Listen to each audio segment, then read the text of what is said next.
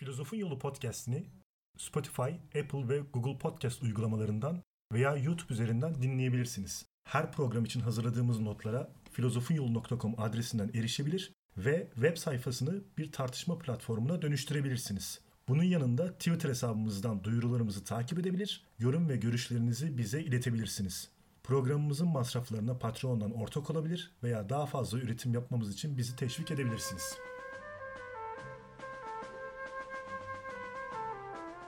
Görüsüz kavramlar boş, kavramsız görüler kördür. Merhaba, Filozofun Yoluna hoş geldiniz. Ben İlker. Ben Bilal. Evet, Filozofun Yolunda bilgi felsefesi serimize devam ediyoruz ve bu programda bilgi felsefesi akımlarından sentezci yaklaşımı konuşacağız. Kabaca deneyici ve rasyonelist felsefenin karışımı olan bu akımı açıkçası ben de epey merak ediyorum. Bilginin kaynakları tartışmasında deneyicilik ve akılcılığı gördükten sonra bu akımların çeşitli öğelerini beraber kullanan, bir anlamda bunları uzlaştıran sentezci yaklaşıma bakacağız şimdi. Ve her zamanki gibi önce program kaynaklarımızdan bahsedelim. Ahmet Cevizci, Ahmet Arslan ve Lokman Çiringi'nin felsefeye giriş kitapları, Enver Orman'ın Bilgi Felsefesi kitabı, Ahmet Arslan'ın İlk Çağ Felsefe Tarihi Cilt 3, Aristoteles'e yoğunlaştığı kitabı, Arda Denkel'in Düşünceler ve Gerekçeler isimli kitabı. Sentezci yaklaşım nedir? Bilginin kaynağı probleminde üçüncü bir alternatifimiz var ve bu alternatif bilginin kaynağında ne sadece deneyimin ne de salt aklın bulunduğunu söyleyen, doğru ve kesin bilginin akıl ve deneyimin ortak katkılarının ürünü olduğunu öne süren sentezci yaklaşımdır. Sentezci yaklaşımın en önemli temsilcileri arasında Aristoteles ve Kant bulunur. Ben bu programda bu iki filozofun bilgi felsefelerini bir anlamda özetleyerek bu yaklaşımı anlatmaya çalışacağım. Tabi Aristoteles'in felsefi dehasını ve bu bağlamda bilgi felsefesine dair görüşlerini özetlemenin çok zorlu bir iş olduğunu kabul edelim. Bu yüzden filozofun yolu olarak şimdiye kadar en geniş içeriği Aristoteles ayırdık ve sadece bilgi felsefesini 3 programda anlattık. Bu programdaki anlatı da yaptığımız onca programın çok kaba bir özeti olacak haliyle. Aristoteles Platon'a kıyasla daha ılımlı bir filozoftu. Yani hem duyu verisine değer veriyordu hem de tümeller konusunda kavram realizmini benimsemişti. Şimdi Aristoteles felsefesini Rönesans ve bilimsel devrimde de görmüştük biz. Ee, şimdi onun Kant ile birlikte anıldığını görünce felsefesinin aslında ne kadar uzun ömürlü ve ne kadar isabetli olduğuna da e, burada tekrar fark etmiş oldum ben de. Öyle. Ona yaşamış en büyük dehalardan biri dememiz de boşuna değil gerçekten. Aristoteles hocası Platon'un radikal rasyonalizmini eleştirmiş. Onu birçok yönden modifiye etmişti. Bu yüzden e, Platon'un gökteki felsefesini yere indirdiğini de söylemiştik daha önce de. Aristoteles hocasına kıyasla daha alımlı bir idealizm ve rasyonalizm benimsiyor. Bilginin deneyimle başladığını öne sürüyor ve bilgide tüme varımsal akıl yürütmeye pozitif bir değer biçiyor. Aristoteles'in hocasından öğrendiği şeylerden biri duyumun bilgi olmadığıydı. Aristoteles'in de bu görüşe esasen bir itirazı yoktur. Onun için de bilimin konusu tümel ve değişmeyen zaman dışı olandır.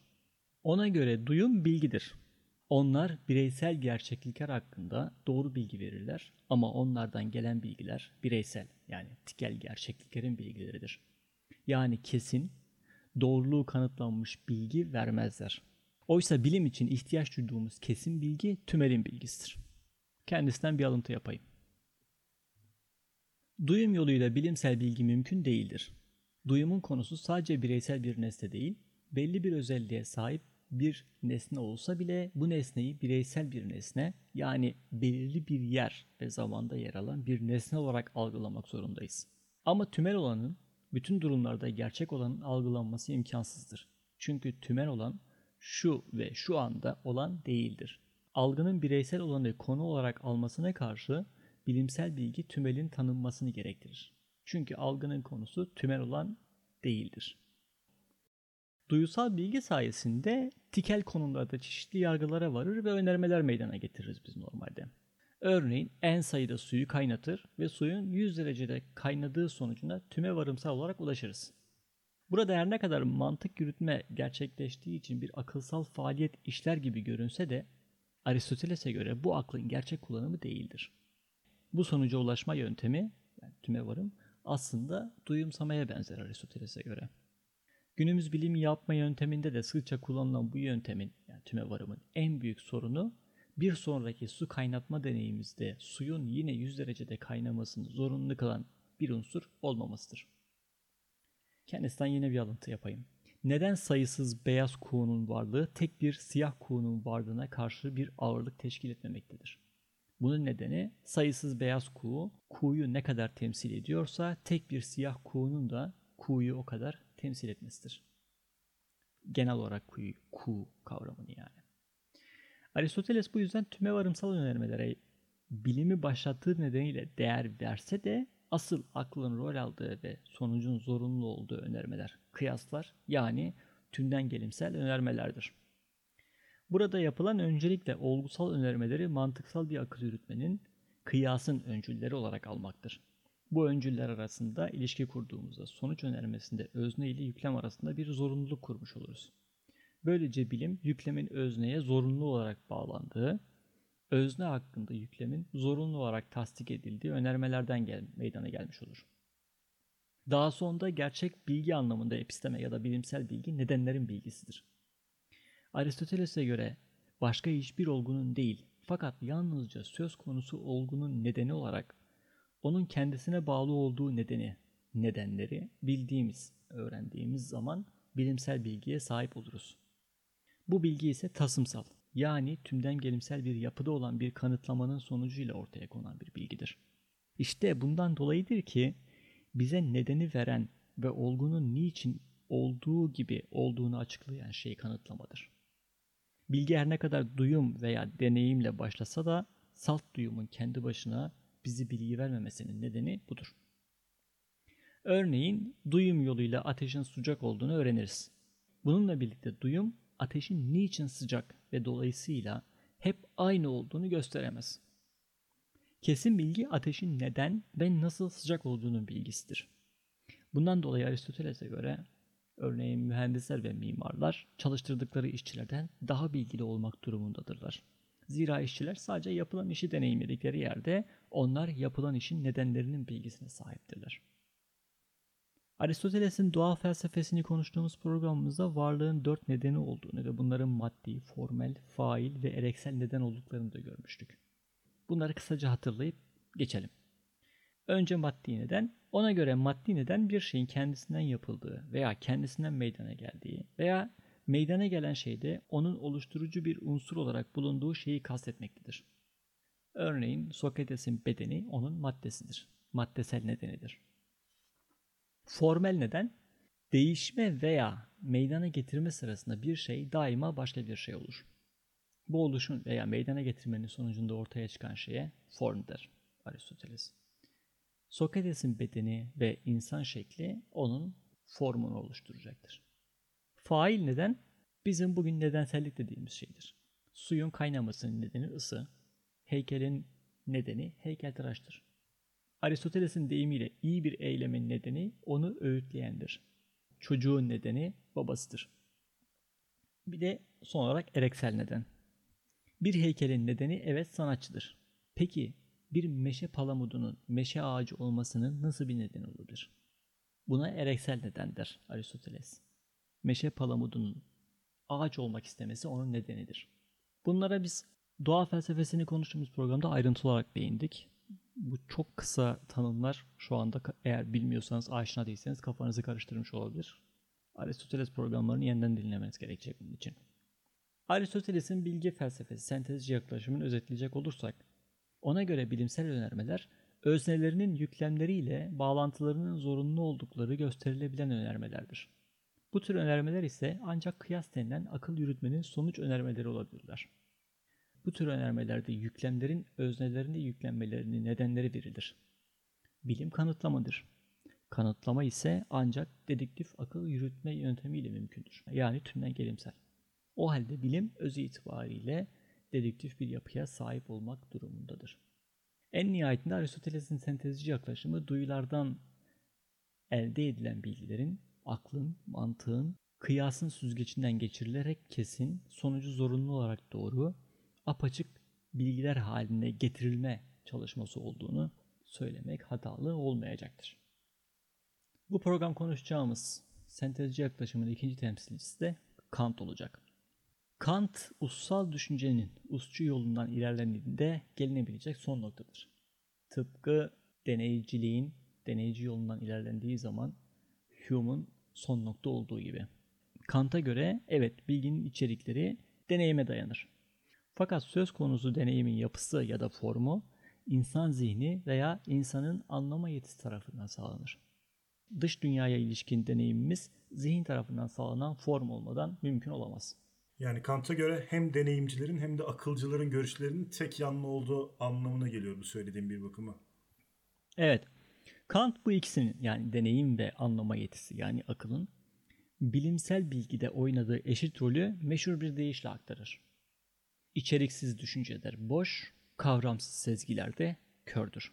Öyleyse kavramlarımızı duyusal hale getirme, yani sezgide onlara nesne ekleme, sezgilerimizde anlaşılır kılma, yani onları kavramların altına yerleştirme zorunluluğu vardır. Sezgi dediğimiz yere akılda diyebiliriz bu cümlede. Çeviriden çeviriye farklılık arz edebiliyor bazı şeyler.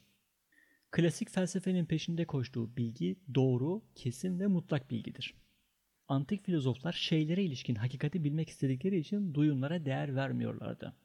Duyular yoluyla edindiğimiz tecrübeler her şeyden önce duyu yeteneklerimizle sınırlı ve onların yanılgılarına açıktı.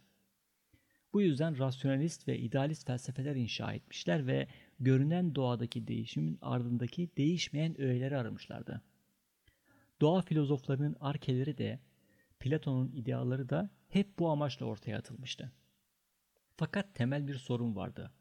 Ne arke ne de ideaların bilgisi, gerçek olsalar dahi bizim işimize yaramıyordu. Klasik felsefenin ilerlemeye imkan vermemesi nedeniyle modern çağdan itibaren filozoflar bu antik felsefenin adeta tavutuna çivi çakmak ve yeni yöntemler keşfetmek kaygısında olmuşlardı. Modern çağda duyumcuların dış dünyayı olduğu gibi bilmeye yönelik argümanları hoş görünse de bunlar kuşkucu argümanlar karşısında pek dayanamıyordu asasen. Modern deneyiciliğin zirvesi Hume'da dış dünyanın bilinemeyeceğini, sadece duyum içeriğinin bilinebileceğini kabul ediyordu. Peki biz ne yapacağız bu durumda? Hani hiçbir şey bilinemiyor deyip oturacak mıyız? Kant'a göre de tırnak içinde kendinde nesne bilinemezdi. İnsanın anlığının, aklının bilebildiği duyumladığı gibi nesnedir. Dolayısıyla bilgi duyumlarla sınırlıdır. Şimdi açıklıyorum bunları. Kant bu bahsettiğim farkları birbirinden kesin bir şekilde ayırıp çeşitli isimlendirmeler yaptı. Ona göre duyumların dünyası görüngüler yani bir diğer adıyla fenomen olarak bilinecek. Düşünür dünya içinde kendinde şeyler, nümen denecektir. Fenomenlere çeşitli nitelikler, fiiller yüklenebilirken nümenlere ne fiziksel ne de başka bir nitelik yüklenemez olacaktır. Çünkü bunlar yani nümenler bilinemez. Bu nümen dediğimiz şey nedir tam olarak onu biraz açabilir misin? Nümen bizim metafizik dediğimiz şeydir. Fenomen bize görünendir ve biz sadece duyularımızla bize görüneni bilebiliriz. Bunun ötesini yani nümeni bilemeyiz. Bir nesnenin şekli, rengi gibi duyumlarımıza karşılık gelen özelliklerini bilsek de duyumlarımızdan sıyrılmışçasına onun gerçekte ne olduğunu bilemeyiz. Sadece duyularımızla gerçek bilgiyi elde etmek isteseydik, nesnenin anlığımızdaki şekliyle gerçekte olan şeklini karşılaştırmamız gerekecekti ki bu mümkün değildir. Dolayısıyla doğa filozoflarının ark ettikleri şeyler, Platon'un ideaları, Aristoteles'in formları veya tanrılara ilişkin ileri sürülen iddialar gibi metafizik öğeler nümenlerdir ve bunlar asla bilinemez. Ama bu felsefeyi deneyim alanına sınırlamak olmuyor mu? Yani Kant'ın da deneyici olduğu anlamına gelmez mi? Evet, yalnız Kant'ın salt bir deneyici olmadığını ve bilgide akla da önemli bir yer verdiğini hatırlatalım. Bilgi sadece deneyimin alanına sınırlanmamıştır. Bilinebilenler belirlenmiş, felsefe bilinebilenle sınırlandırılmıştır. Geniş çevrelerce kabul görülen bu argümanlar neticesinde 18. yüzyılda Kant sonrası felsefe çok büyük bir değişime girmiştir. Öyle ki Kant öncesi Kant sonrası felsefe ayrımı yapılmıştır. Zaten Kant'ın kendisi de buna Kopernikçi bir devrim diyecektir. Kant'a göre bilgi deneyle başlar. Fakat bu onu deneyici yapmaz. Leibniz'in doğuştan bilgiler üzerine ortaya attığı düşüncelerden sonra bilginin a priori oluşu, zaman açısından deney öncesi olmaktan çok doğrulanabilirlik açısından deneyi gerektirmeye bağlanmıştır. doğuş aşamasına geri dönüp o zaman anlığın gerçekten bir tablosu olup olmadığı saptanması elbette mümkün değildi. Yani deneyici iddia deneye desteklenemiyordu. Dolayısıyla hiçbir bilgi bütünüyle deneysel verilerle temellendirilemez, doğrulanamaz. Bilginin ancak içeriği deneyseldir. Ortaya bilgi koyabilmemiz için anlığın ya da usun bu içeriğe bilimsel bir katkı yapması zorunludur. Deneyim tecrübeye form kazandıran kavramlarla ona içeriğini veren duyum ya da sezgilerin birleşiminden meydana gelir. Buna göre bilginin ham maddesini duyumlar sağlar. Zihin bu malzemeyi a priori kavram ve kategorilerle işleyip ona form verirken insan bilgisine tümellik ve zorunluluk kazandırır. Yalnız buna benzer bir şey John Locke da söylüyordu Bilal. Ee, bu durumda Kant'ın Locke'dan farkı nedir tam olarak? Deneyici felsefe Descartes gibi anlığı algıda edilgin olarak yorumlar. Algı dış etkilerin anlıkta belirli içerik ve biçimlerde iz bırakmasıdır sadece. Kant'a göre algının içeriği deneyden gelirken biçimi anlıkça verilir. Algıyı da duyu sağlayacaktır pek tabii ki. Duyum olmadan ne algı ne de bilgi söz konusu olacaktır. Bilgi algılardan oluşur ve bilgi olabilmek için duyumun algıya dönüştürülmesi gerekir. Yani anlık ve us algının içeriğini biçimlendiren bir görev üstlenir. Ee, peki bu durumda şimdi anlığın kendisinde dışarıdan gelen bir takım karmaşık bir duygu akışı var ve bunu da bir şekilde düzenlemesi gerekiyor. Buna bir düzen uygulaması gerekiyor. Bu düzenin kendi kökü nedir acaba? Anlık duyum girdilerine her şeyden önce Kant'ın görü biçimleri dediği uzay ve zaman kalıplarını uyguluyor. Uzay ve zaman mı? Evet. Duyumların kendisi uzay ve zaman içinde olmasa da yani zihinde uzay ve zaman yoktur. Bir nesnenin düşüncesini bu iki görü biçiminden hiçbir koşulda soyutlamak olanağı yoktur. Yani anlığın yaptığı sadece zaman ve uzay kalıplarını uygulamak mı oluyor? Buna benzer olarak her nesne algısının belirli bir nicelik, ilişki, töz olmak ve benzeri gibi temel ve ondan ayrılmaz özellikleri olacaktır. Kant'a göre bunlar anlığın duyuma uyguladığı kavramsal kalıplardır. Bu türden 12 kategori, yani bu kalıplara kategori veya ulam denir. Bunların sayısı toplam 12'dir. Bunları biz daha önceki programlarımızda anlatmıştık. Yine üzerine çok durmamıştık. Kısaca geçmiştik ama. Evet, e, duyulara zaman, uzay ve bu bahsettiğin 12 kategoriyi uygulayınca Bilal, e, dış dünyaya ilişkin doğru bilgiyi edinmiş olmuyor hala değil mi? Hayır, biz dış dünyanın kendinde şeyin bilgisine sahip olamayız çünkü algılarımızla sınırlıyız. Şöyle bir örnek vereyim. Göz yapımızın tüm renkleri siyah ve beyaz gördüğünü varsayalım. Bu durumda duyulardan anlığa gidecek veri sadece siyah ve beyazın bilgisidir. Bildiğimiz anlamda renkleri artık görmemiz mümkün değildir. Öyle değil mi? Şimdi de gerçek durumumuza dönelim, mevcut durumumuza dönelim. Gözlerimizin gerçek renkleri, dokuları, şekilleri gösterdiğini bilmemizin bir yolu var mı bu durumda? Siyah beyaz nasıl bizim için tatmin ediciyse zamanında renkli şu mevcut renkler de bizim için şu anda tatmin edici olacaktır değil mi? Duyularımızın yetenekleriyle sınırlıyız biz. Anlık bu verileri insana özgü bir biçimde işler. Bu yüzden bazı hayvanların mesela karanlıkta daha iyi görmesi, ısıyı veya sesi daha hassas algılamasına şahit oluruz. Biz de zaten böyle teknik eksikliklerimizi alet yaparak gidermeye çalışıyoruz. Kameralar olmadan kızılötesi ya da gamma ışınları altındaki maddenin şeklini, efendime söyleyeyim telsiz veya osiloskop cihazı olmadan elektronik sinyalleri algılamamız veya üzerinde çalışmamız mümkün değil. Yaptığımız aletleri de yine duyularımızla uyumlu olacak şekilde tasarlıyoruz. Kızılötesi ışını elde edilen görüntüyü insan gözüyle görecek şekilde monitöre yansıtıyoruz. Yoksa o veri de bir işimize yaramayacak. Evet bunlara bakarak e, Kant'ın epey duyumcu ve doğalcı gibi göründüğünü söyleyebiliriz ama ben onu rasyonel yapan unsuru hala göremedim Bilal. Bunu biraz daha açıklayabilir misin? Kant Leibnizci eğilimlerin güdüsünde bu kalıpların doğuştan usun özünde bulunduğunu öne sürüyor. Descartes gibi. Ona göre algıya kazandırılan ona göre algıya kazandırılan biçimin kökeni dış dünyada bulunan kavranabilir kimi yapıları uygulamak yerine bütünüyle kendi doğasında bulunan verileri kullanmaktır. Bu da dış dünyanın bilinemez olduğu sabıyla bütünüyle tutarlıdır. Sonuçta Kant, algının içeriğini deneysel olarak değerlendirirken biçimini doğuştanlık savı çerçevesine oturtmuş oluyor. uzay, zaman ve 12 kategori de nesne değil, genel anlamda insan anlığına özgüdür. Aristoteles bunları ontolojisinin bir parçası halinde tanıtmıştı. O programı dinleyecek veya hatırlayan dinleyicilerimiz olacaktır. Yani Kant'ta bilginin meydana gelmesi için hem deney hem de zihin, anlık, us gereklidir. Her tür bilgi için duyumlardan gelen içeriğin zihnin a priori kavram ve kategorilerinde işlenip bir forma kavuşturulması gerekir. Peki Kant bunların hangisine daha çok önem veriyor? Yani o daha çok deneyici midir yoksa akılcı mı?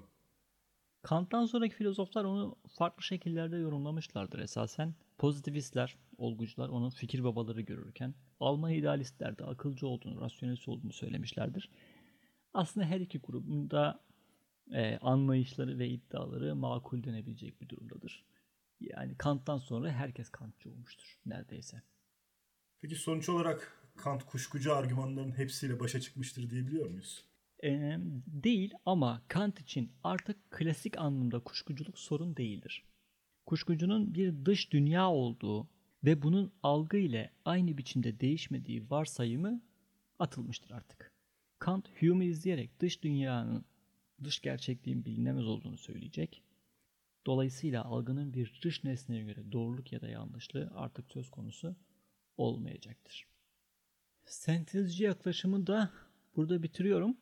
Yine anlamadığınız şeyler olacaktır. Daha önceki programlarımızda hatırlattım. Bunlar referans programlar. Yani sadece bu yaptığımız referans programlardan birçok okuma, birçok araştırma içeriği çıkmaktadır. Yani bunlardan yola çıkarak dur bu kavram ne demektir, bu kavram ne demektir, senin daha önce fenomen kavramında yaptığın araştırma gibi. Bu referans programlarımızı bitirdikten sonra ilk çağdan tekrar başlayıp filozofları teker teker ele alacağımız için bu kavramlar daha da açıklığa kavuşacaktır diye umuyorum dinleyicilerimiz için. Ve bir sonraki programda görüşmek üzere esen kalın. 我是个